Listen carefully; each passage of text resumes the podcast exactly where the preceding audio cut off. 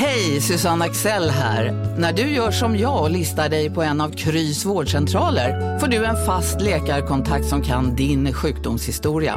Du får träffa erfarna specialister, tillgång till lättakuten och så kan du chatta med vårdpersonalen. Så gör ditt viktigaste val idag, lista dig hos Kry. Kurrar i magen och du behöver få i dig något snabbt? Då har vi en Donken deal för dig. En chicken burger med McFeast-sås och krispig sallad för bara 15 spänn. Varmt välkommen till McDonalds.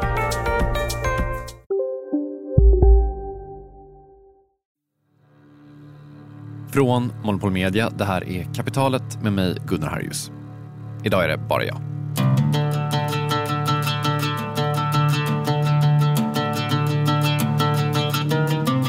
Du är i Mesopotamien. Det är 5000 år sedan och hör du de två floderna Eufrat och Tigris. Fåglarna kring de bördiga slätterna.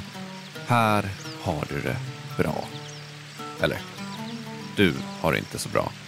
För du är en mesopotamisk bonde, så du har det lite tufft.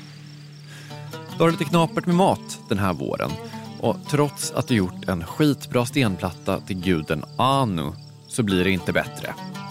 Du har helt enkelt för lite käk och du tror inte att din mark kommer att räcka för att stilla din hunger. Jag däremot, jag har det bra på riktigt. Jag måste gjort någonting rätt, för mina skördar har varit kanon.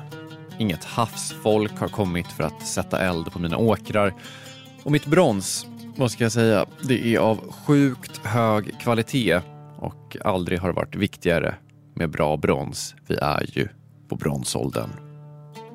Så du undrar, kan jag kanske dela med mig lite till dig? Och det kan jag ju. Vi är ju kompisar.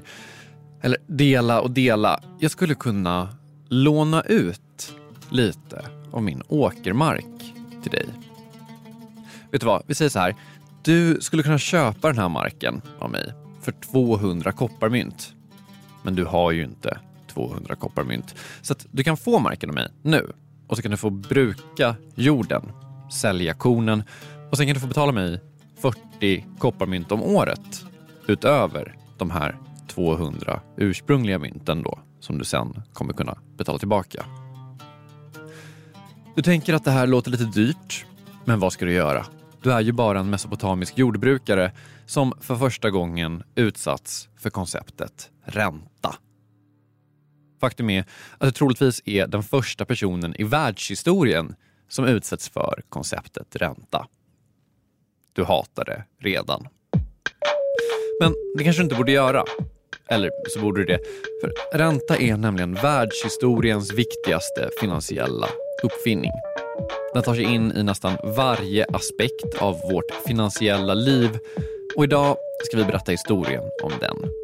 Från mesopotamiska bönder till europeiska centralbanker. Historien om ränta efter det här.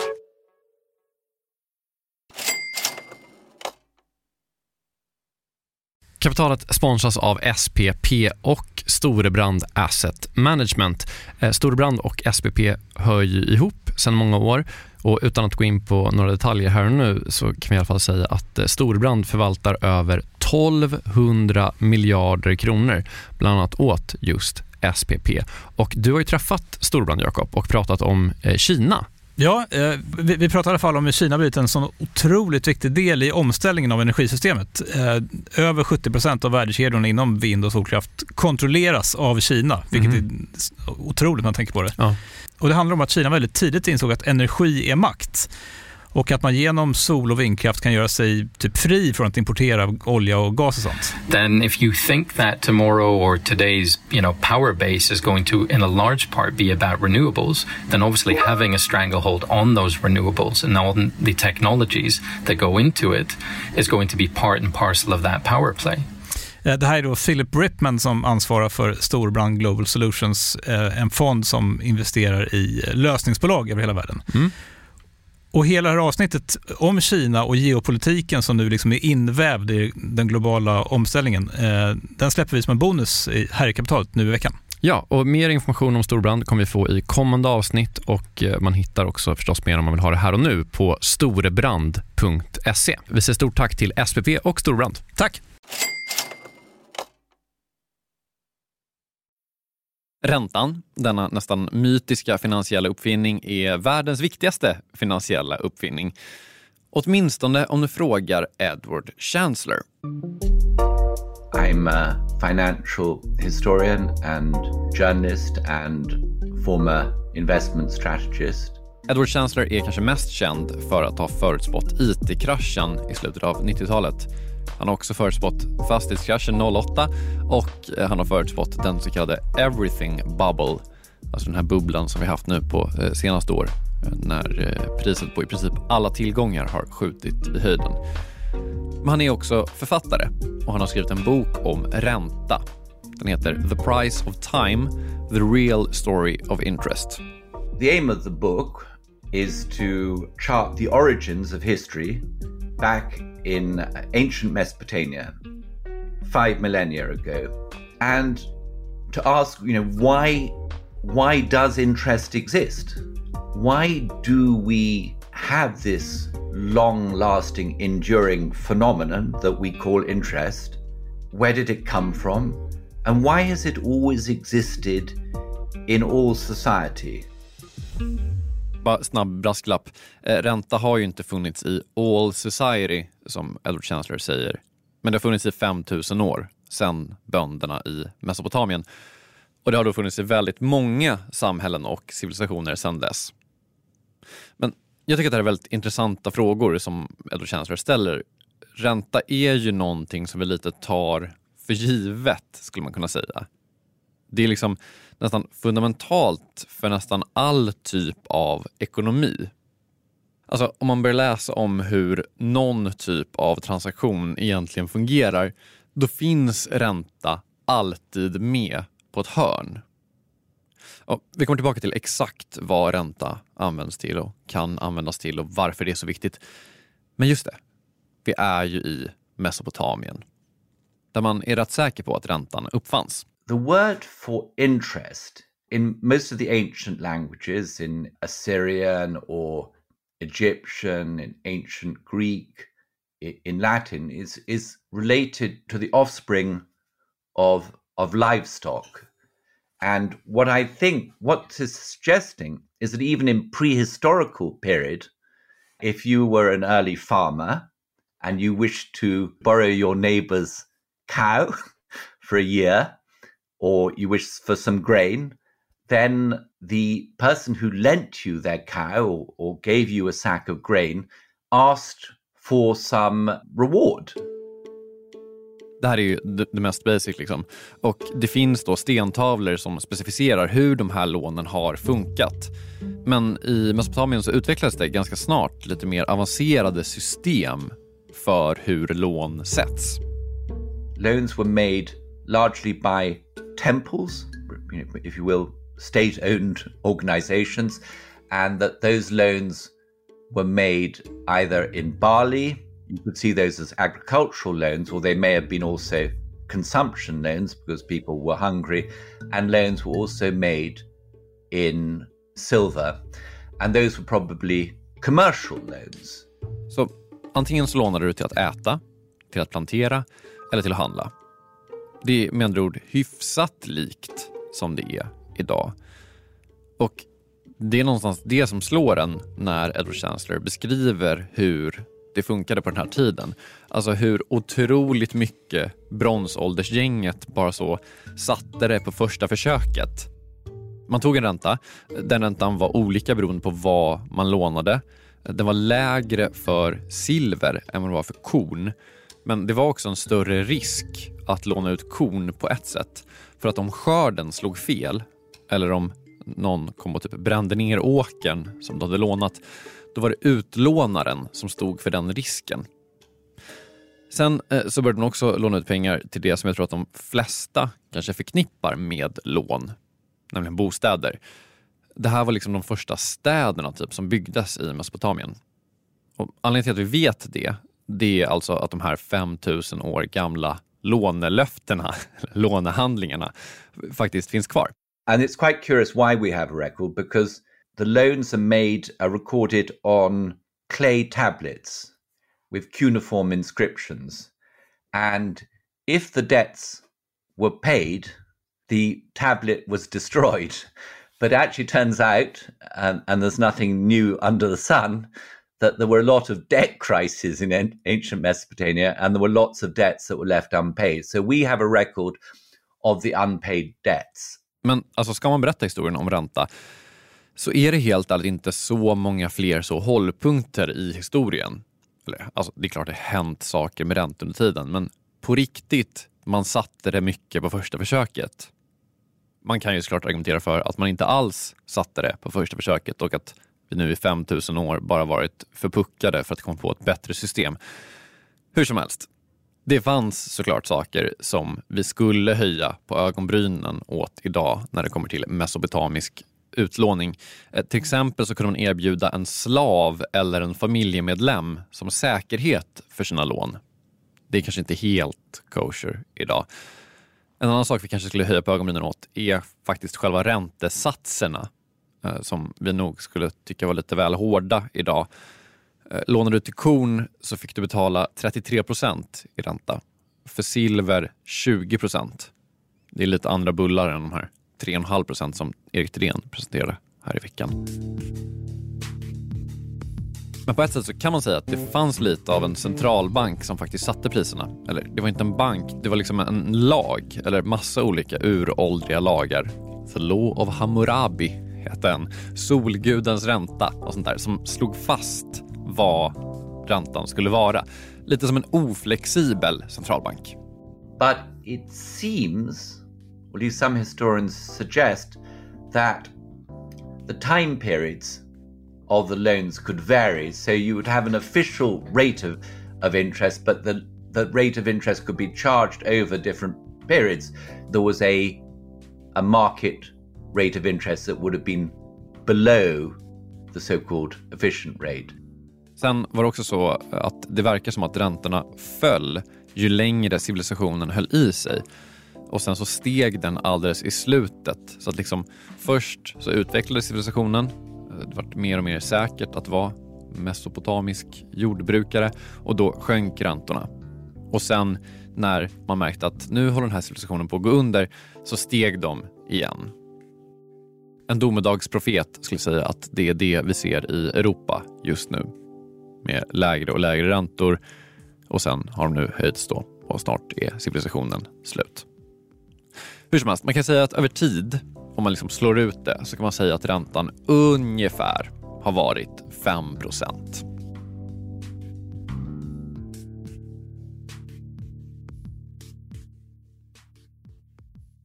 Vi lämnar Mesopotamien och blir lite filosofiska för en sekund.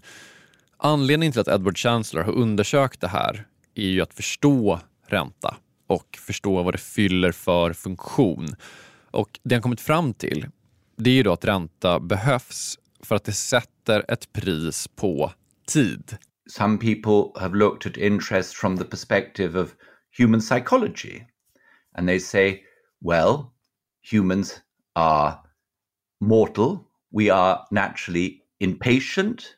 Uh, we prefer to have things today rather than tomorrow. And therefore, we have what economists sometimes call positive time preference, or what the great American economist Irving Fisher said was that the interest rate was crystallized in patience. På vad en ränta gör så är det ju ett pris vi betalar för att ha någonting nu snarare än sen.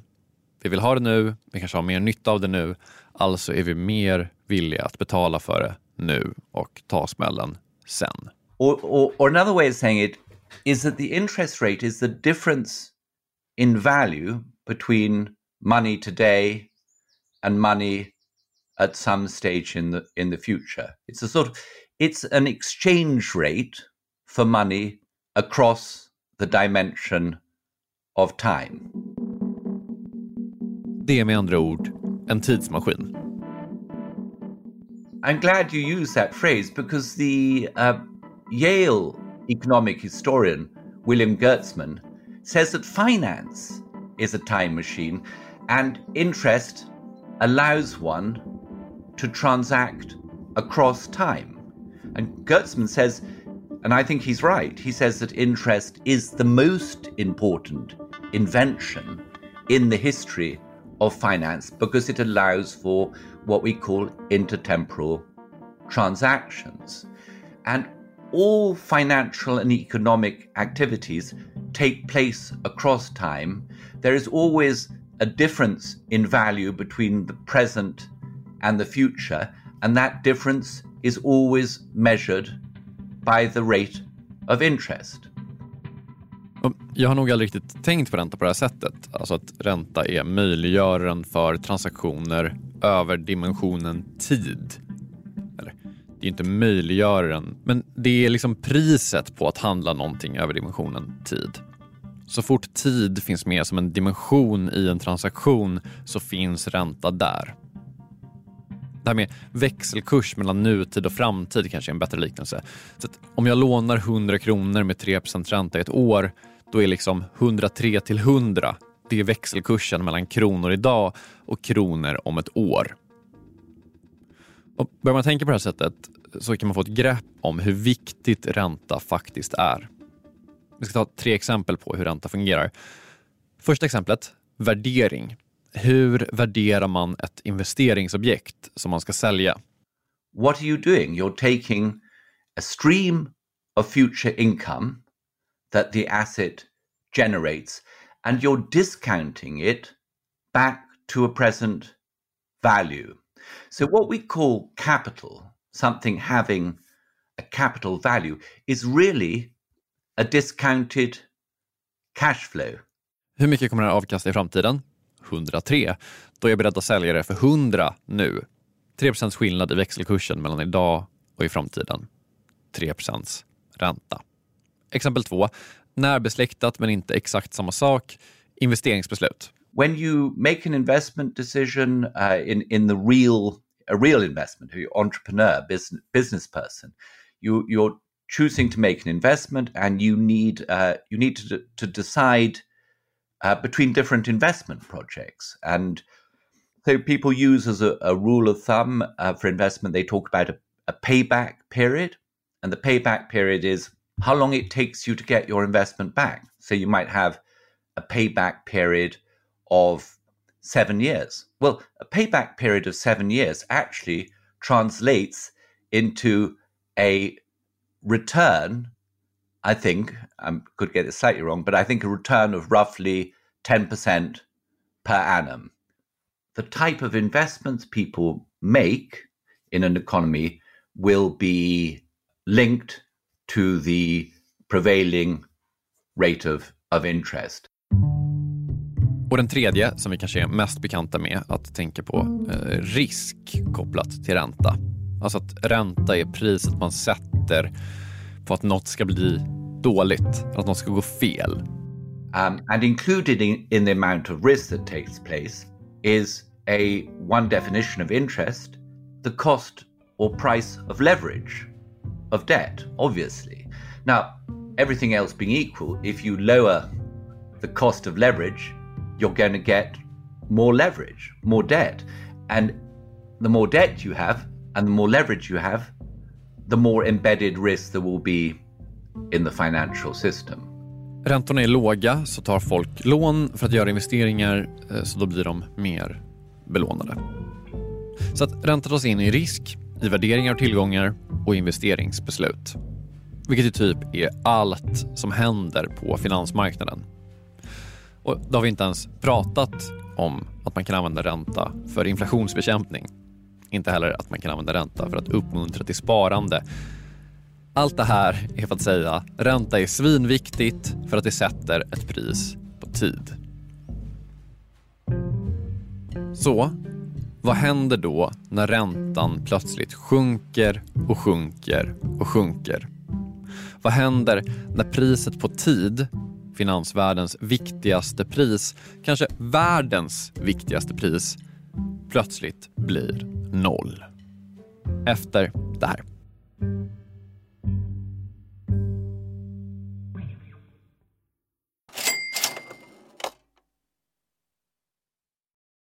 Jakob, vi har ett samarbete med Pareto Business School och det här är jag rejält nyfiken på. För ja. att, eh, eh, så här, vi jobbar ju sida vid sida, bokstavligen, sitter bredvid varandra och då och då så håller du upp ett finger och säger nu måste du vara tyst i en timme för nu ska jag eh, göra något Pareto. Exakt. Ja. Eh, Jag gillar ju att lära mig nya saker, det gör ju många journalister. Eh, Så den här våren går jag då en åtta veckor lång så kallad mini-MBA. Eh, Alltså jag hade gärna gått en riktig MBA också, men, men ja, inte tiden det kräver och, och framförallt ingen arbetsgivare som vill betala 800 000 för att låta mig göra det. Nej, eller kanske du har, du är ju arbetsgivaren. ja, snål, snål arbetsgivare. Mm. Eh, det- eh, Det är då Jens Bäckbom och Mattias Eklöf, två svenska entreprenörer som har skapat den här utbildningen just eftersom det finns ett gigantiskt hål mellan typ YouTube-filmer och en, en riktig MBA. Ja, och det här är då Pareto. Exakt, Ja. Pareto MBA. Eh, Paretos utbildning kostar cirka 25 000 kronor och, och under åtta veckor så lär man sig jättepraktiska och tillämpbara modeller för hur man startar, skalar upp, driver och säljer bolag. Eh, Jens och Mattias, eh, de håller själva i många av föreläsningarna. De är garvade entreprenörer båda två. Mm. Och så har man så olika gästföreläsare som kom in. Mm. Typ någon kille som, som var expansionschef på Spotify, någon som körde marknadsföring på Revolut, eh, en kille som driver Sveriges största campingkedja, Mm. som har varit med i kapitalet faktiskt, Okej. Johan Sör. Ja. Ja, just det. Också varit en helt otrolig svensk eh, entreprenör som byggt massor med grejer i Vietnam. Alltså makalösa berättelser. Ja, wow. Eh, Så den här kursen består av en blandning förinspelade moment och seminarier, men man går också i då så här kohorter tillsammans med andra deltagare från Sverige och utlandet. Jättenyttigt, eh, tidseffektivt och funkar jättebra för, för den som vill driva egen verksamhet som, som typ vi gör här. Eller om man typ driver projekt och affärer i större bolag. Wow. Om man är taggad på att eh, bli en del av den här, liksom, vad ska man säga, Jakob skolan om man vill bli som dig, lära sig lika mycket som, som du har lärt dig, vad, Ja. vad gör man då? Eh, Nästa kursstart är 5 april. Eh, Så vill man ta ett kliv framåt eh, i sin utveckling eller karriären eller så, eh, gå då till arbetsgivaren och kolla om du inte kan gå den här utbildningen. Eh, Priset ligger alltså på 2500 euro, men ni får 10% rabatt om ni anger Monopol Media som referens när ni eh, gör er anmälan. Mm. Eh, Man kan också gå in på paretoschool.com för att eh, läsa mer och ja, se lite smakprover från själva utbildningen. Då. Mm. Så att eh, man sparar jättemycket pengar för att gå Handels MBA och man sparar ytterligare pengar om man tar del av eh, Monopol Media-erbjudandet. Ja, exakt. Ja, en no-brainer som vanligt, Plus att man blir ju eh, alumnkollega med mig då. verkligen. Så stort, stort tack till eh, Pareto Business School och eh, gå in på paretoschool.com.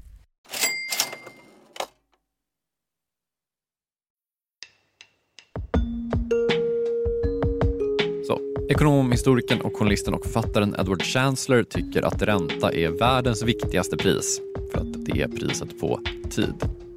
Och historiskt då, alltså över 5000 år, som har satt det här priset till ungefär 5% Det är 5% mer värt att ha pengar idag än om ett år. Men den riktigt uppmärksamma har ju då lagt märke till att de senaste tio åren så har det ju inte varit så. Då har vi istället satt priset till noll. Vi har haft noll procent i ränta. I Sverige har vi till och med haft minusräntor under perioder. Edward Chancellor menar då att det här förstås har gjort någonting. I mean, I argue in the book that zero interest rates are unnatural and negative interest rates are extremely unnatural. And again, just going back to the long period of history, if we have five millennia of interest rate history and interest rates have never been zero and never turned negative, that has to be telling you something. Det han menar någonstans det är att nollräntorna aldrig borde varit noll. Att centralbankerna gjorde fel som satte dem på noll. För om man inte sätter ett pris på tid så sätter man liksom hela vårt finansiella tänkande ur spel på något sätt. If you take it from a sort of broad picture, interest helps to guide activity or, or uh, across economic and financial activity across time. And if you take the interest rate down to zero, then you're no longer going to have interest serving this guiding function. You're going to get bubbles. Um, we've you know had massive increase in debt, in leverage, and so although the global financial crisis, people interpreted that as a period of debt being too high, actual debt uh, around the world has substantially increased. Man kan väl säga att Edward Chancellors take här inte är helt unik. Eh, nollräntorna gjorde att vi fick väldigt höga tillgångspriser men också att vi har tagit på oss väldigt mycket risk och att kapital inte har allokerats på ett bra sätt. Zombieföretag är ett exempel på en, en sån grej. Alltså företag som bara överlevt för att det varit gratis att låna. Allt det här då för att vi har satt fel pris på tid, tycker Edward Chancellor. Om tid inte är värt någonting, då finns det inget bra sätt att lista ut vad något är värt idag versus imorgon.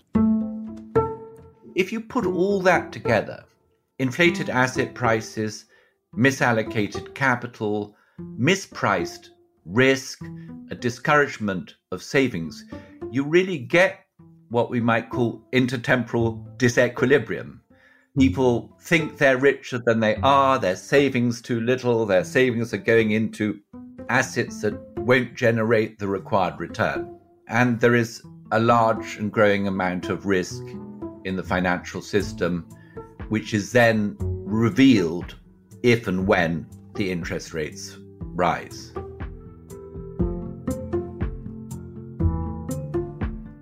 Alltså så här, det här sägs ju ibland, oftare och oftare till och med, alltså att nollräntorna var dåliga. Men man kan ju också säga så här, vad skulle centralbanken ha gjort då?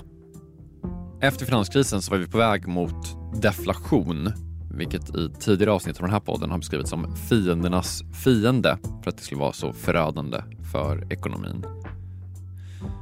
Någonstans är det här det som det kokar ner till, tycker Edward Chancellor.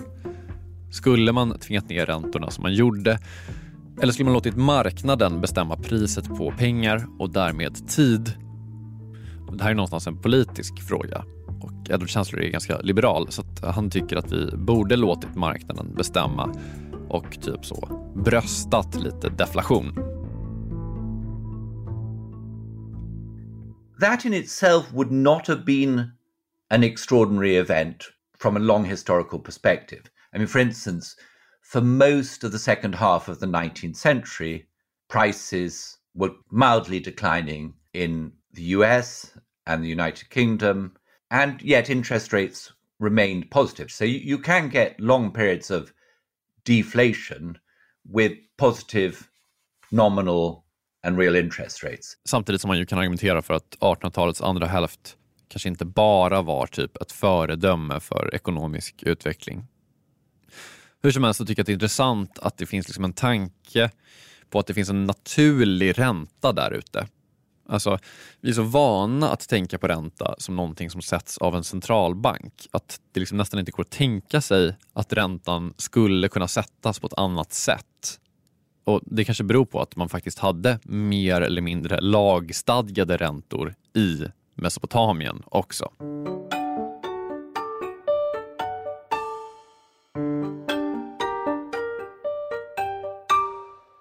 Så vad ska hända nu då? Nu har vi haft den här tiden med nollräntor. Nu börjar de komma upp igen. Kommer allting gå tillbaka till hur det var under 5000 år? Och Frågar man Edward Chancellor, och det har vi ju, eh, så är det dit vi är på väg. Eller man kommer försöka ta oss tillbaka dit, men det kommer kanske inte gå så himla bra.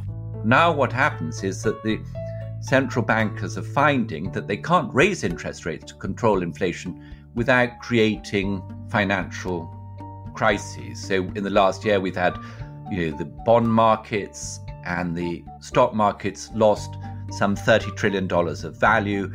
We had a, a blow up in the UK gilts market, and the major pension funds nearly went bust when interest rates rose.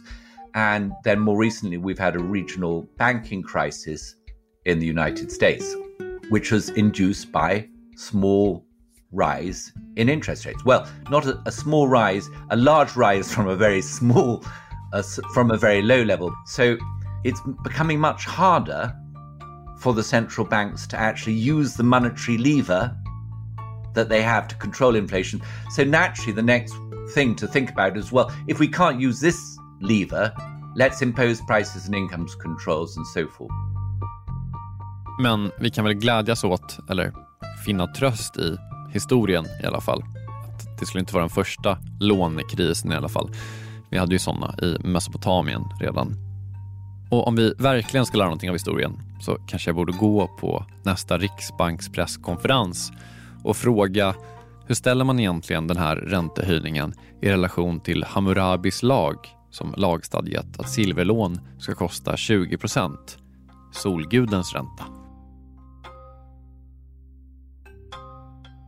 Kapitalet är slut för den här veckan. Jag som gjort det här avsnittet heter Gunnar Harjus. Jakob Kjell har eh, producerat det och Kristoffer Krook har mixat det. På Twitter heter vi Kapitalet. Eh, vi kan också tipsa om tre saker. Vi har gjort tre grejer. Eh, en grej som vi gjort är en P3-dokumentär. Den har Elinor Alborn gjort. Den heter Incelrörelsen och Elliot Rogers massmord. Den är svinintressant. Elinor har också gjort en P1-dokumentär den heter Pedofilforskaren på Darknet. Båda de här finns ju liksom i vanliga poddappar och, och, och sånt där. Och sen så har jag också gjort en eh, Spotify-dock eh, som handlar om eh, FTX och Sam Bankman-Fried och sånt där. Den finns bara på Spotify, men om man går in på Spotify Dock-feeden så kan man hitta den där. Kapitalet är tillbaka med ett helt vanligt avsnitt eh, snart igen. Eh, vi hörs då. Hej då!